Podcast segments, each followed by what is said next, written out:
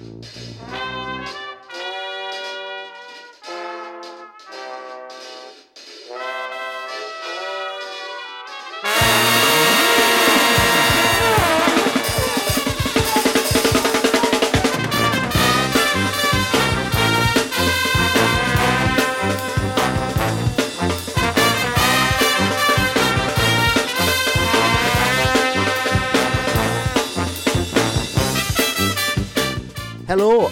goroeso i benod 50 o Sbeidiau Heilog gyda fi, Llwyd Owen. A fi, Lee Jones, lle byddwn ni'n rhoi sylw i'r pethau bach sy'n gwneud gwahaniaeth mawr i ni yn ystod y cyfnod hollol honco hwn. Ie, yeah, Lee, y big 5-0. Hello. Ti'n gallu, ti credu hynna? Dysgwyl hyn, i be? Na. Na, dim really, man. Mae'n um, ma garig filltir fawr. Ac, ie, uh, yeah, mae'n rhywbeth i, i fod yn, yn reit falch ohono, fi'n meddwl, nag yw e? Ie, yeah, dwi'n meddwl, da iawn, ie, yeah, dwi'n meddwl, da iawn ni am, nid yn unig just creu rhywbeth, ond sticio ati er, uh, er gweitha yeah. uh, synwyr cyffredin, well, yeah, I suppose. I mean, Mae'r ma, ma, ma, ma ddau o'n ni, dyma, dyma ail bodlediad y ddau o'n ni. Um, faint o benodau nath y bodlediad cyntaf di bara? o, oh, tua tri, ti'n bod, dim byd, dim byd sylweddol, dim byd, dim byd o bwys. Ti'n bod, dim, dim hyd yn oed digon i fi ystyried hwnna fel podlediad go iawn. Um, mae hwnna, ma, well, hwnna ddim hyd yn oed ar gael ar-lein dim mwy, so ie. Yeah. Nag yw e? Oh, wel, na ni, ond bys ni ddim fan hyn heb hwnna, bys ni, so uh, it's all good. Ond ie, yeah, gwych yma, nes i, nes i dryd ar yn, uh, yn yr wythnos yn gweud uh, diolch yn bennaf i ti Achos ti sydd yn neud y, y gwaith caib a rhaw ar, yr, ar y podlediad yma. So fi jyst eisiau tegu hynny eto. diolch i ti dw. Dim, dim jyst am dy waith caled, ond ti'n ni wedi dod yn ffrindiau dros y flwyddyn diwetha yma. Mae fe'n ma fe really yn meddwl lot i fi, ti'n So, uh, yeah, gwych. Da iawn ni. Ie, Yeah. Da iawn ni. A da, ie, yeah, a ti'n bod, back at you. And uh, rhag ofyn i, i bawb poeni bod ni jyst mynd i snogio'n gilydd am awr. Well i ni symud ymlaen. Um, Hei, os ydych chi yn gwrando, ydych chi'n gallu, ydych chi'n gallu ein cefnogi ni, uh, podlediad annibynnol Gymraeg wythnosol. Uh, dych chi'n gallu cefnogi trwy ein dilyn ni ar Twitter at ysbeidiau heipod neu ar Instagram at ysbeidiau heilog. Um, Chymod, dyrwch like i'n uh, cynnyrch ni ar-lein, neu aildrydarwch, rhannwch, uh, neu cyfrannwch i'r sgwrs, chymod. Mae dda, mae dda i, yeah. uh, i ymateb Ac uh, os, ydych chi, os ydych chi wir eisiau yn helpu ni, mae yna gostau gennym ni i gynnal y podlediad yma. Felly, ydych chi'n gallu helpu ni gyda hynny trwy cyfrannu yn ariannol at co-fi.com blind slice ysbeidiau heilog. Um, ydych chi'n gallu uh, just prynu coffi i ni, ac uh, mae hynny'n help fawr i ni wrth gynnal y podlediad yma. Heb os nag on i bai. Um, Reit e, Lee Zers Jones. Uh, ti wedi uh, wneud eitha splash dros y dyddiau diwetha yma uh, yn, y, yn y wasg genedlaethol. Ti eisiau gwerthyn gwrandawyr ni beth sydd wedi digwydd? Wel, dros y penwythnos, oedd na, oedd na stŵr mawr dros yr iaith. Uh, just fel pob penwythnos arferol. Cachstorm! Mi oedd na rel cachstorm. Oedd hi'n cachstormus iawn. Um, A ie, yeah, felly uh, y darlledwr a'r sgwenwr um, Jonathan Meads wedi ysgrifennu erthigol lle, wel, mae jyst yn lladd ar yr iaith Gymraeg. lladd ar yr iaith Gymraeg, chymod. Just fel, just fel mae pobl yn gwneud bob dydd yn y cyfryngau Saesneg. Um, ond oedd hwn yn rhywbeth oedd yn poen mawr i fi, achos, um, wel, mi o'n i yn canu, uh, yn canu, na, mi o'n i'n caru Jonathan Meads a'i waith, um, achos oedd Jonathan Meads di creu ffilmiau rhagorol yma am uh, pensarniaeth ac am gelfyddyd a diwylliant ac oedd wedi just agor yn llyged i, i gymaint o bethau ac i rhyw uh, golwg ar y byd um, lle, lle ydych chi'n gallu derbyn cymaint o wahanol ddylanwadau o, o Ewrop ac, um, a, a just deall Cymreictod o fewn cyd-destun ehangach, really. Ac oedd e'n ddylanwad anferth arno fi trwy, trwy ei waith. Ac, um, chwmw, mi fyddai o hyd yn ddiolchgar am fodolaeth ei waith, ond um, teimlo fel, really, mae ei... Wel, bod e just mynd yn, mynd yn rhy hen a dechrau siarad rwtch. Um, yn ei waith, yn ei waith dros digawdau, e, un o'i prif gryfderau fe oedd bod e'n gallu adlywyrchu y byd o'i cwmpas a dangos hynny i ddarllenwyr a gwylwyr. Ond uh, yn yr erthigol yma, yn hytrach nag adlywyrchu'r byd o'i cwmpas, mae fe jyst yn siarad am y byd bys y fe'n licio byw yn ddi. Ac yn anffodus, byd heb yr iaith Gymraeg oedd hynny. Felly, uh, mi nes i ysgrifennu erthygl yn The National Wales.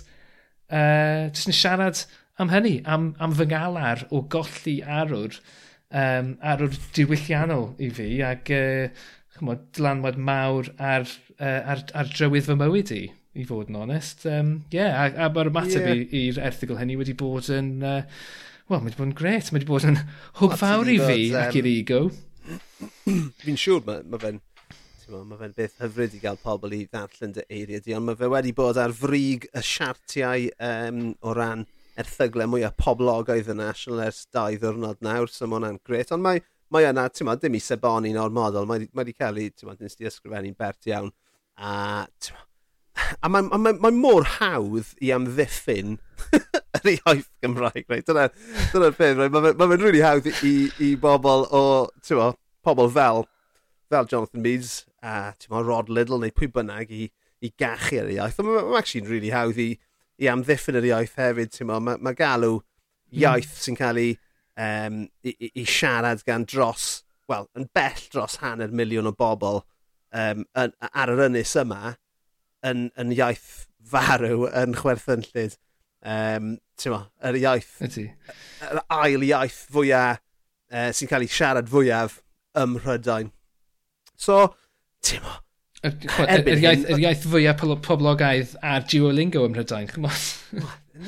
so, ti'n mo, A I mean, oedd na adeg, ti'n mo, cerdd i'n ôl 5-6 mlynedd, oedd yr erthyglau yma ar, ar bobl yma yn effeithio arna i, ac o'n nhw'n gallu difetha fy, fy, fy nwrnod neu fy mhen wythnos, ond erbyn hyn, fi jyst yn ffucking fi jyst yn gweithio nhw i ffwcio off, ti'n ma. I mean, nath, nath Jeremy Bowen, mae fe di bod, yeah. uh, ma, ma fe di bod yn gweud pethau dilornus hefyd yn ei, um, ma, fel, fel Cymro sydd wedi gadael, Cymro allud sydd, sydd wedi gadael a wedi ma, anghofio i, i gysylltu a'i wreiddiau. A ti'n ma, fi'n meddwl nes i just tryd ar tyfa lan y twat at y fe. Dyna'r dyna agwedd. So, sorry, sorry. fi ddim yn mynd i... Fi ddim, just ddim yn mynd i... Ddim ddim ddim yn mynd i bodro fi mwyach. I mean, it's bollocks. Um, na, ma na fi. Ie, yeah, dwi'n mynd ast. Mae fe'n wrong. Mae fe'n adlywyrchu waith arnoch chi. A, a, a, hefyd, right, mae rhaid ni gofio taw um, bod, bod yr erthigol yma gan Jonathan Mead wedi cael ei, i, i gyhoeddi mewn, ti'n mo, rag uh, adain dde o'r enw The Critic sydd, hmm. ti'n mo, mm. just yn afiach o gylch grawn. Um, so... Yeah. Ti'n? I mean, y peth gorau sydd yn allan o hwn yw bod ti falle wedi ffeindio, ti'n mo, outlet bach arall. Galwad newydd. I dy greu digrwydd. so, ti'n mo, a ffordd, yeah, ffordd newydd o, o rannu, ti'n mo, y ffordd ti'n gweld y byd gyda pobl. So, mae hwnna'n beth da. Mm. Wel, dyna'r dyna thing, dyna'r dyna'r um, dyna be dwi wastad, wastad wedi eisiau gwneud ers, ers blynydde, ers i fi fod ar y dôl yn Llundain, blynyddoedd maith yn ôl, um, ac o'n i'n sgwennu, a dyna be o'n i eisiau gwneud, oedd o'n i eisiau sgwennu, a sgwennu am bethau. Ond, ti'n bod, dim wedi cael job llawn amser, mae gennych chi llai o amser i sgwennu am bethau, llai o amser i ystyried y pethau yma. Ti'n fel ti'n gwybod, ti'n bod, mm -hmm. yn, mm. yn iawn sut mae yeah. job llawn amser yn gallu uh, effeithio ar hynny. Ond, ie, um, yeah, bod, y peth sydd wastad yn...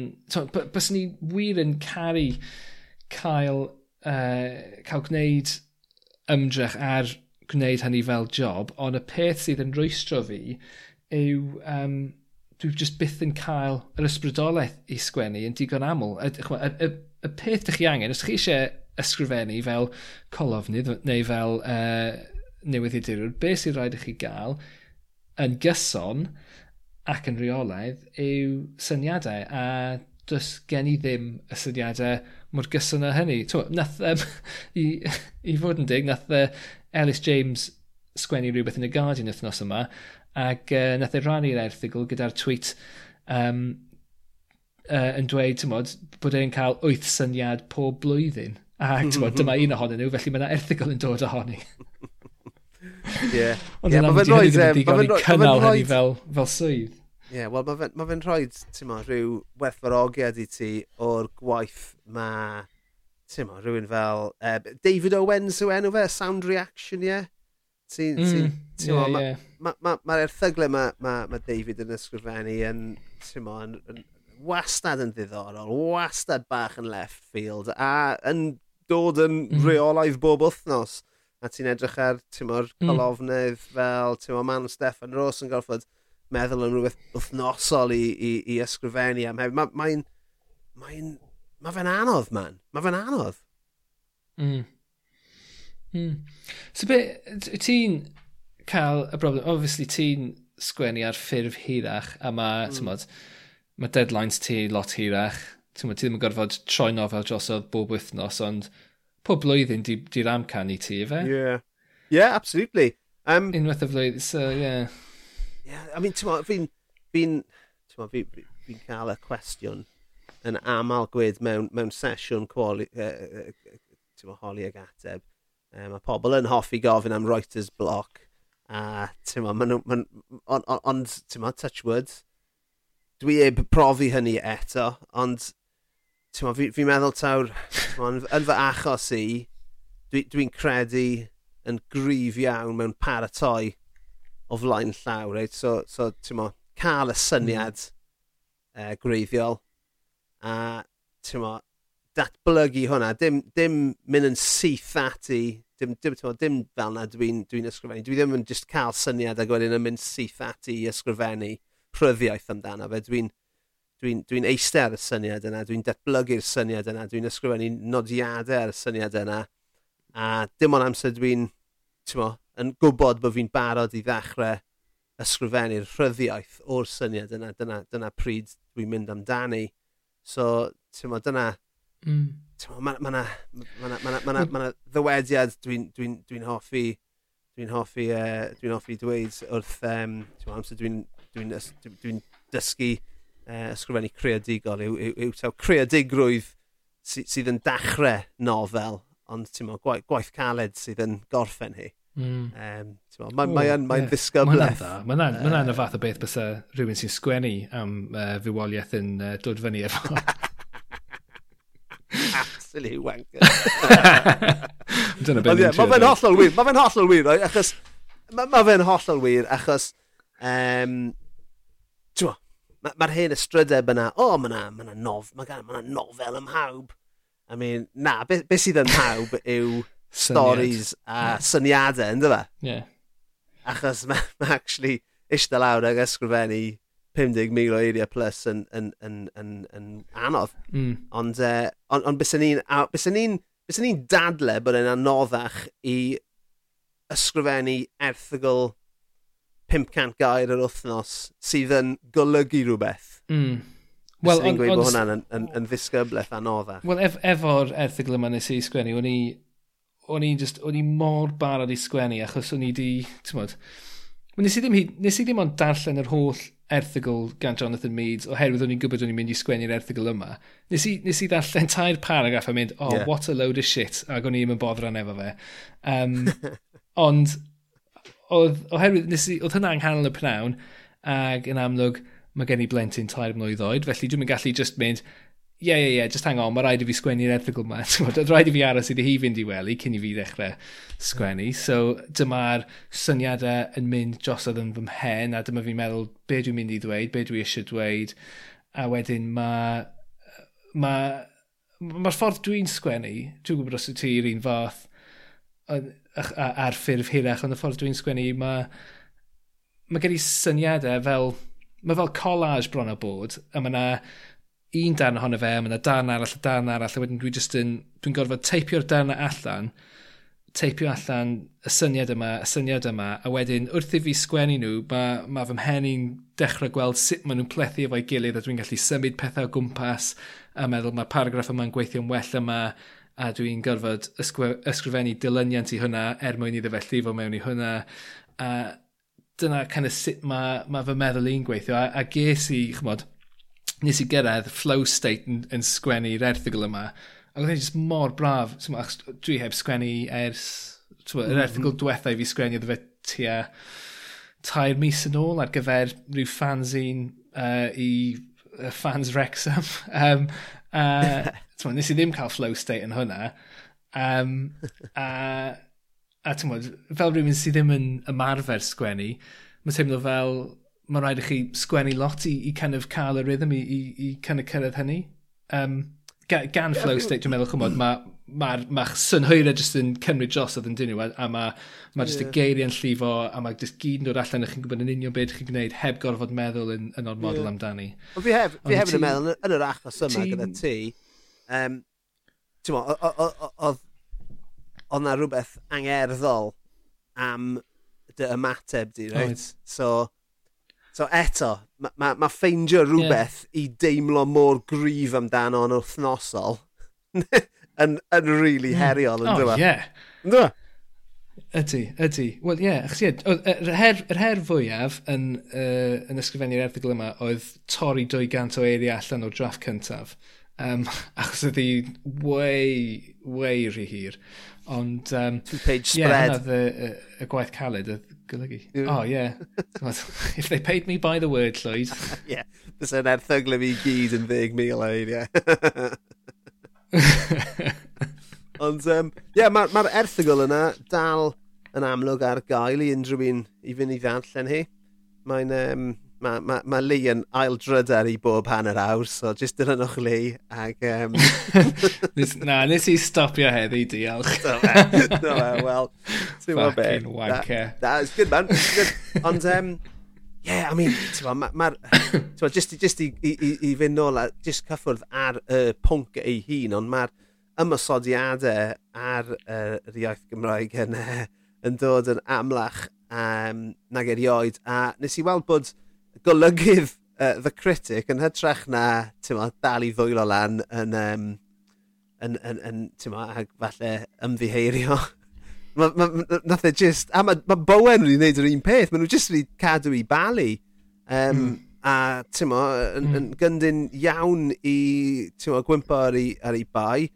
Ond wrth gwrs mae hwnna jyst yn rhoi mwy o gyfleoedd i, i bobl mwy deallus na fi um, mo, ar-lein i, i, i ateb ag i pw-pwio ei, ti'n yr hyn maen nhw'n hawlio.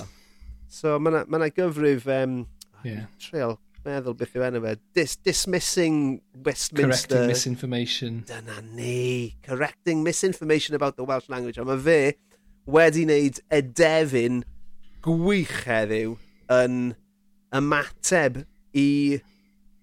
Fi'n meddwl tam ymateb i ymateb golygydd The Critic yw e, ie? Ydw i'n iawn?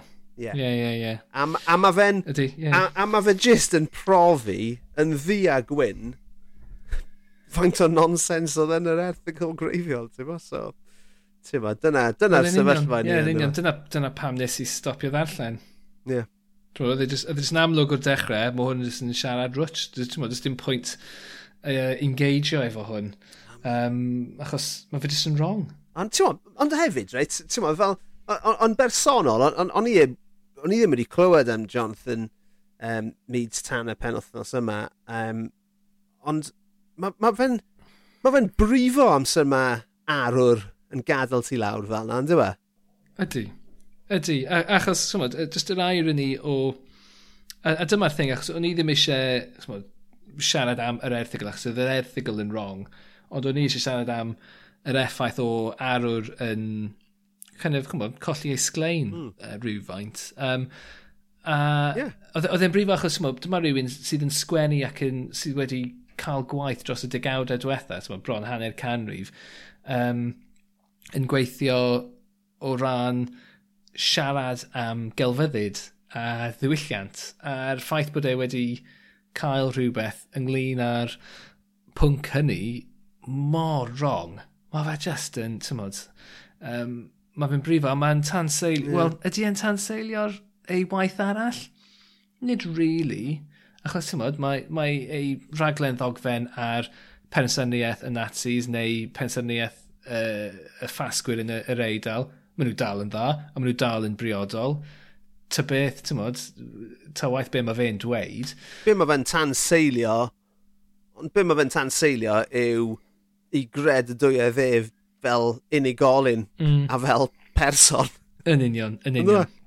Yeah. Achos ar diwedd y dydd, mae fe'n ma fe'n ma fe neud, a ti'n ma, mae Jimmy Carr yn un arall sydd wedi bod yn yr uh, newyddion oh, am ymosod lawr.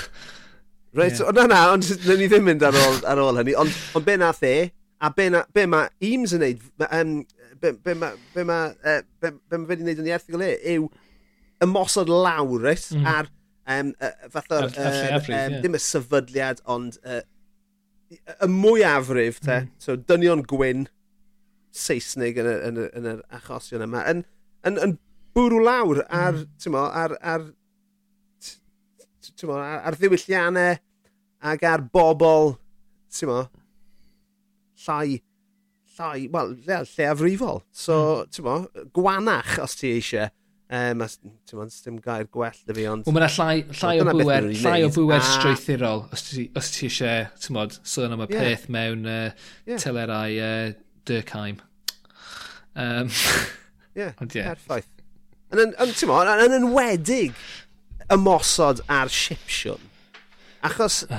Yeah. Oh, anyway. Just, oedd e just, just mor ddiangen a mor I mean, ddim yn anisgwyliedig yn achos Jimmy Carr, ond, ti'n mo, ond just, just i, i, i be? Na beth o'n i'n meddwl, yn darllen yr erthigol mm. yma, yn, yn, grand, yn gweld, ti'n mo, y, y joke uh, Jimmy Carr, ond just, beth oedd y ffucking point wneud yna, de? Ie, yn union. Yn union.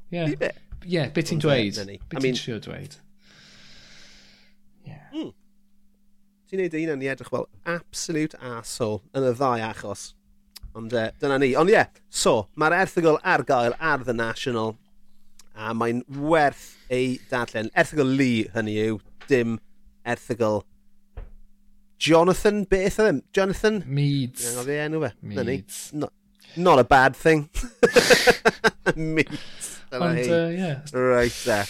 Uh, um, yeah, cadw i fynd, man. Gobeithio newn ni weld mwy o dy waith di mewn print yn fian. Uh, watch this space. Ond, um, Yes, dyna ni am, am yr rambly chat uh, cychwynol. Uh, Lee, uh, os rhywbeth wedi bod yn neud ti'n hapus wrth os yma? Wel, Llywyd, mae'n rhywbeth sydd wedi bod yn gwneud fi'n hapus.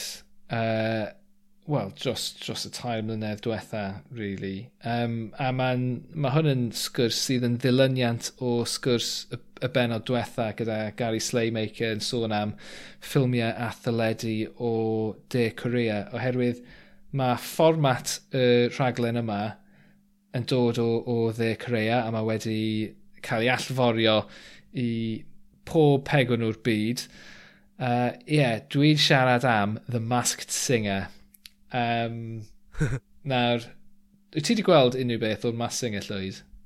Fi byth wedi gwylio'r Masked Singer, dude, ond yn amlwg fi yn gwybod beth yw e, achos fi ar Twitter. yeah, so beth yw e? Pobl mewn uh, gwisgoedd DBL dros ben llestri uh, a maen nhw maen nhw'n cymeriadau just really weird, chymod, hwyaid, blodau, um, octopuses, gwenyn, uh, chymod, hifen ia. Anifeiliaid. Pob math o bethau. Wel na, chymod, a, a bwyd a mae yna, chymod, oedd, oedd un yn y, yn y gyfres yma yn chandelier. Um, just, just pethau really fucking weird. A maen nhw yna, maen nhw'n dod allan, a maen nhw'n canu can, a maen nhw pobl yn dawnsio rown nhw, a maen nhw rhywun enwog uh, o fewn y gwisg. A mae... Be, bo, ma pob, ma... ma pob un sy'n gystadlu yn enwog? Ydyn. Pawb. Okay pob un ohonyn nhw. So, um, so mae'r ma cael ei setio fyny, mae cael ei um, gyflwyno fel ei fod hi'n um, gystadleuaeth, ond dwi ddim. Uh, oh, achos dwi, dwi bendant ddim, a dwi'n gwybod yn union...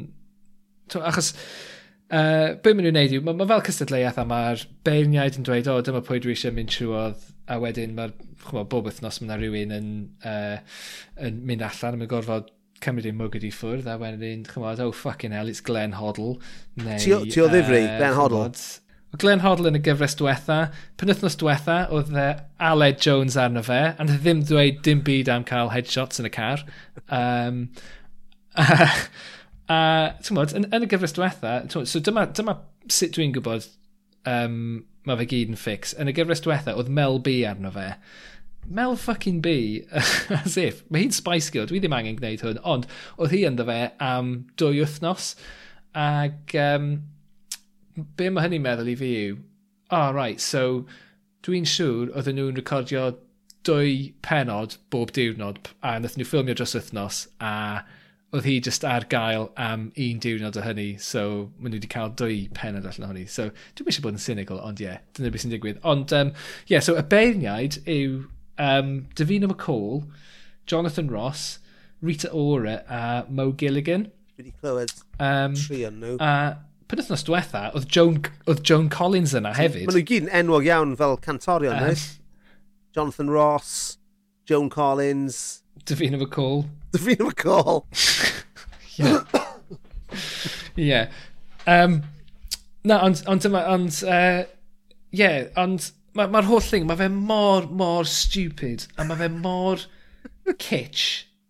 Mae ma, fe'n really, really kitsch, a mae fe'n really, really dumbed down hefyd. Y ffordd maen nhw'n cyflwyno pob dim. Ti'n bod fel y ffordd mae, ti'n bod, X Factor neu, um, neu be bynnag, neu uh, Britain's Got Talent. Y ffordd mae mae fe, ma fe gyd mor amlwg yn ffug a maen nhw just yn kind of maen nhw'n trio kind of suspension disbelief a pob dim ond mae hwn mae fe'n really, really ffug a does dim suspension disbelief mae fe fel ond mae'n ma, ma cael ei cyflwyno'n hanner difrifol fel bod e'n so cystadleuaeth go iawn.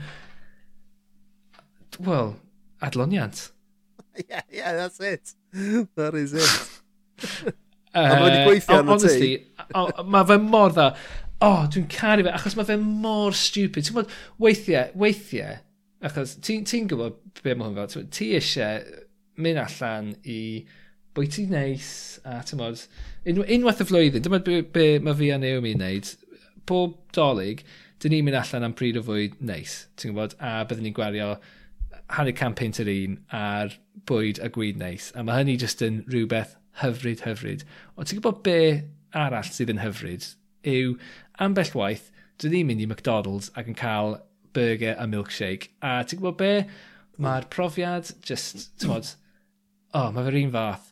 A, a, oh god, mae fe just fel bwyta absolute rwtch. A, a dwi'n falch o dwi'n falch o just, o, oh, mm, oh, just raw fe fi ar lwy, just an absolute shit man. Mae fe'n fucking great. Mae fel, ma fel ista lawr a bwyta llond ceg o siocled. Just gwybod, rhywun yn dod mewn efo bowling e mawr o siocled, ie, yeah, na i bwyta hwnna i gyd. A dyna beth yw e. A ti'n gwybod be, y peth gorau amdano fe yw, er bod e'n really, really stupid ac yn really, really tough, dwi ti byth yn teimlo fel person twp yn gwylio fe, oherwydd mae Rita Ora arno fe, a hi yw'r person mwyaf twp sydd erioed wedi bodoli. Mae hi really yn thick.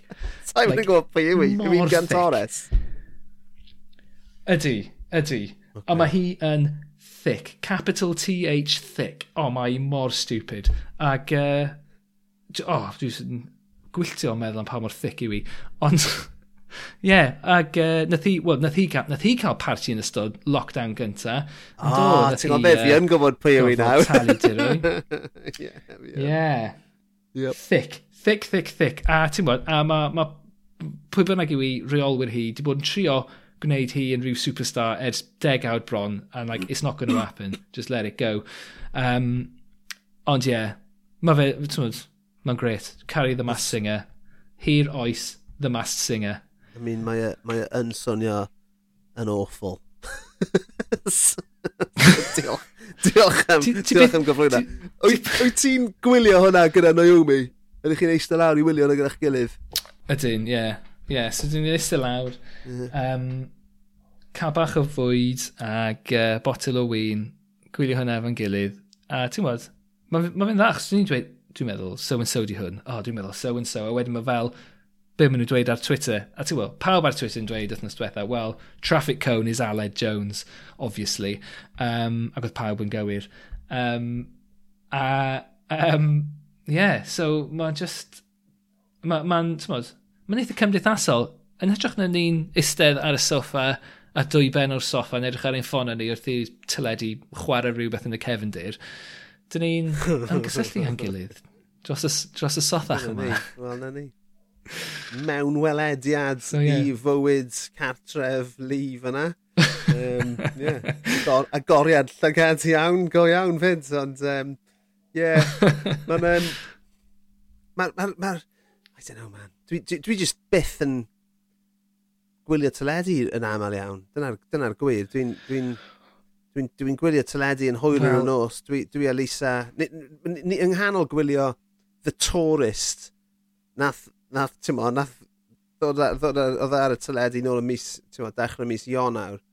A um, mae fe wedi cymryd, ti'n mo, hyd, hyd yma, sy'n ni dal eb gorffen e, chwech penod sydd. Mae jyst yn cymryd gymaint o amser ni wylio unrhyw beth gyda'n gilydd, achos mae ma, ma Lisa ar goll yn ei box set hi, a fi, so well fi fynd i ddarllen. So anamal iawn i ni'n eistedd lawr i wylio yn unrhyw beth. You fucking nerd. Amser. Wel, Timo, that's just the way I am, but... just dyna fo, mai. I mean, Timo, dwi'n dwi, dwi, dwi, dwi, dwi offi gwylio ffilms yn hwyr y nos ar ben fy hunan, Timo, dyna, dyna beth dwi'n neud. Ond, ie, uh, yeah, mae'r... Ma um, ma merched fi'n rhy hen nawr i hyd yn oed... Ti'n os nhw hyd yn oed eisiau eistedd yn yr un ystafell a'i rieni mwyach, so, um, na ni. There we are. Menwelediad i fy mywyd i hefyd. Ie, yeah, Wel, dwi'n dwi gwybod pa un sy'n well gen i. Wel, dyna, dyna fi, uh, y Masked Singer, rhywbeth, rhywbeth gachlyd end of the pier fath o hiwmor sy'n cael ei fi'n hapus. Gobeithio bod, uh, gobeithio bod gen ti rhywbeth uchel ei ail i, uh, i rannu efo fi a'r gwrandawyr yr wythnos yma. Strap yourselves in, yma. Um, so, Wel, I mean, nag oes i'r ateb, eh, dim o'n gwybod, mae gen i rhywbeth mor low brow. Fi'n meddwl, actually, mae fe, ma fe mwy low brow na The Math Singer. Mae ma fe, achos beth sy'n gyda fi yw um, celebrity lookalike agency o'r enw Splitting Images.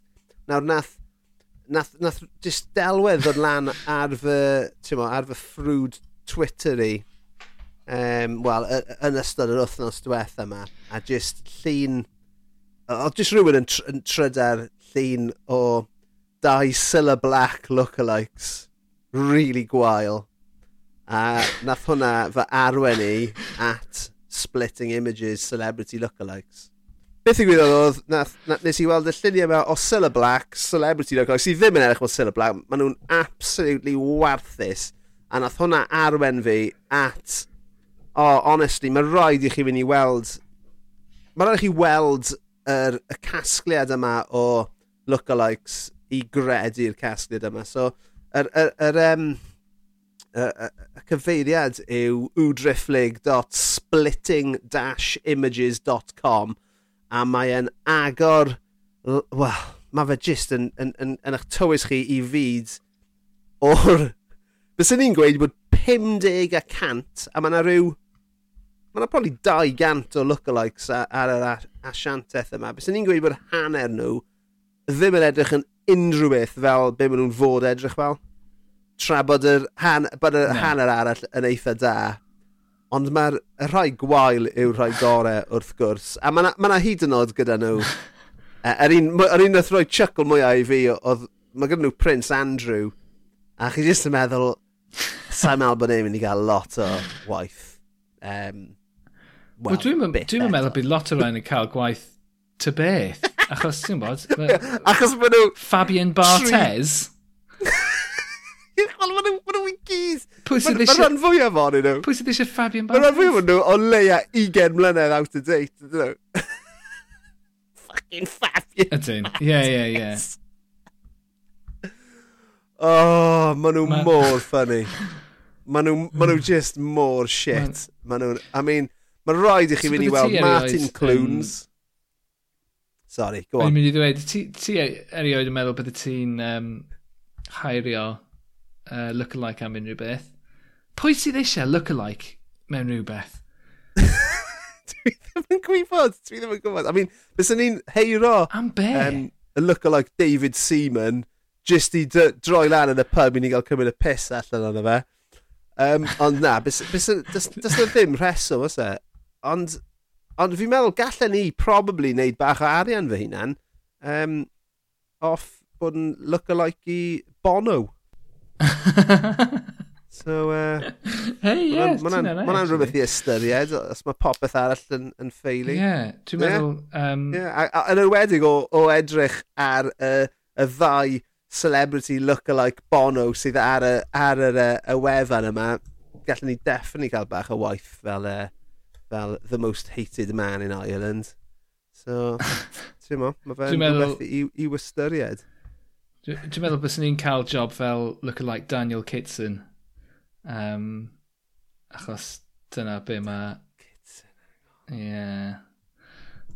Mae Daniel Kitson, un o'r pethau mae fe'n gwneud, pan mae fe'n dechrau sioe, mae fe wastad yn gofyn i'r gynulleidfa um, pwy yma sydd yn edrych fel fi, a mae hanner y gynulleidfa'n rhoi dwylo nhw fyny, achos mae fe'n dyn foel efo uh, spectol a barf. Uh... yeah, I mean, ti'n ti llawer mwy golygus na, It's a look. na It's a Daniel look. Kitson, ond fi yn gallu gweld oh, bod chi yn rhannu DNA. ond uh, o'n, i, o'n, i, o'n i wedyn yn, yn, yn dechrau meddwl am uh, doppelgangers, Lee. Wyt ti, ti beth wedi cwrdd a doppelgangers y hunan? Na ddo, na ddo. Ges i, nath rhywun anfon llun ohono, uh, nath rhywun anfon llun i fi tua be, 15 mlynedd yn ôl o rhywun nath nhw cwrdd â mewn parti oedd yn edrych yn reit debyg i fi. Um, ond dyna ni, dyna'r unig, dyna pa mor bell uh, dwi wedi mynd at cwrdd ac uh, fy doppelganger i. Yeah na, mae ma fe'n beth weird. Fi, fi actually wedi cwrdd a rhywun tebyg iawn, iawn i fi. Mae'r ma, ma, ma um, ma tebygrwydd yn, well, yn ryfeddol i fod yn onest. Nes i, nes i gwrdd y boi o'r enw Lein um, pan o'n i yn, uh, yn byw yn Australia. Mae Lein yn dod o, o Zela Newydd. A dim, on, do'n i ddim yn edrych yn, ti'n fel efeilliaid Ond, ti'n mo, o'n i'n reit debyg. Ond, o'n i hefyd yn, yn rhannu nifer fawr o rinweddau ag agweddau um, personol. Ond ar ben hynny, o'n i'n... Ges i a fe yn geni ar yr un diwrnod, ond ar bendraw'r byd i'n gilydd. Um, so o'n i'r un oedran i'r diwrnod. Yr er un diwrnod yn lythrenol, nid... Na, dim jyst rannu, dim jyst rannu. Yr un diwrnod, na, na, yn, yn union yr un pen blwydd, ond yn, yn, yn ryfeddach fyth, oedd gyda'r ddau ni frawd o'r enw Rhys, ac o'n nhw'n rhannu pen blwydd hefyd. A a oedd y, oedd rheina, oedd y pethau yna. Hang on, so, hang on. So, oeddech chi'n yfed, ti'n gwybod be mae'r pethau yma'n mynd fel, pan ydych chi'n cwrdd â rhywun mewn pub, a weithiau mae yna rhywun yn cymryd y piss. Na, so na. Pwy, nath, pwy nath cynnig yr enw Rhys yn gyntaf? Um, Wel... Achos dwi'n gallu ddychmygu ti'n mynd, my brother's called Rhys, what's your brother called? A mae fe'n mynd, oh yeah, me too fath o beth. Oh, well, come on now, fi, yeah, when's his birthday? Oh yeah, it's the well, same, fi, oh come on. Fi wedi, fi wedi cwrdd o'i frawd e. Uh, fi wedi bod yn ffrindiau gyda, gyda Lein ers, wel, ers 20 mlynedd nawr. Obviously o bell erbyn hyn os mae fe dal yn byw yn Zela Newydd.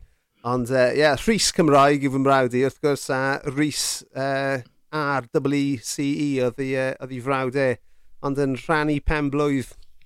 A, ie, yeah, absolutely nuts. Nuts o beth. Ond uh, dyna'r agosa fi wedi dod. Mae hwnna yn weird. Mae hwnna yn hollol weird. So ti'n meddwl gei di job fel look-alike Elaine? Ie, yeah, wel, ti'n meddwl, fi'n meddwl, gallwn ni definitely wneud look-alike Daf Palfrey neu Bono. Um, ond fi'n meddwl falle bod fi wedi colli'r ffenest o gyfle yna, really. Mae'r ma, ddau yna wedi cael ei, uh, ei diwrnodau yn y, yn y spot olau. Ond, um, yeah, I mean, o, o edrych gwybod... ar splittingimage.com, fi'n meddwl gallu ti pretty much fod yn look-alike i unrhyw un. Wel, well, dwi di ffeindio, dwi di ffeindio'r yr un gorau ar y wefan yna llwyd. Um, a ti'n gwybod, dwi'n fan fawr o conspiracy theories. Ti'n gwybod, dwi'n meddwl nath y CIA gwneud 9-11 oherwydd oedd nhw eisiau stopio Limp Bizkit, oherwydd oedd Limp Bizkit yn dod yn rhy bwerus. Um, a ti'n dyna fath o bethau dwi'n hoffi. Dwi'n meddwl, right, dwi wedi ffeindio, so un o'r lookalikes gorau ar y wefan yma ydy Lord Lucan. Nawr, ti eisiau conspiracy theory... Os ti eisiau conspiracy theory, Lord Lucan, mae diflannu, mae'n neud i pawb meddwl fod wedi marw, ond sut ydy e'n mynd i, chymod, cynnal ei hun ar ôl diflannu? Dwi'n gwybod, be, chymod, be di, be di ei, be di ei prif gryfderau, o, oh, ti'n gwybod be, mae fe'n edrych fel Lord Lucan yn diwe, Lord Lucan ei hun, felly mae fe'n mynd i wneud bywoliaeth trwy esgus bod yn Lord Lucan, fucking genius. A dyna fe ar splittingimages.com, y Lord Lucan go iawn. Yeah. Mae'r mae gwir allan yno. Ie, yeah, I'm on to you, Lord Lucan. Phil Appleton. oh, maen nhw mor dda. Maen nhw mor shit.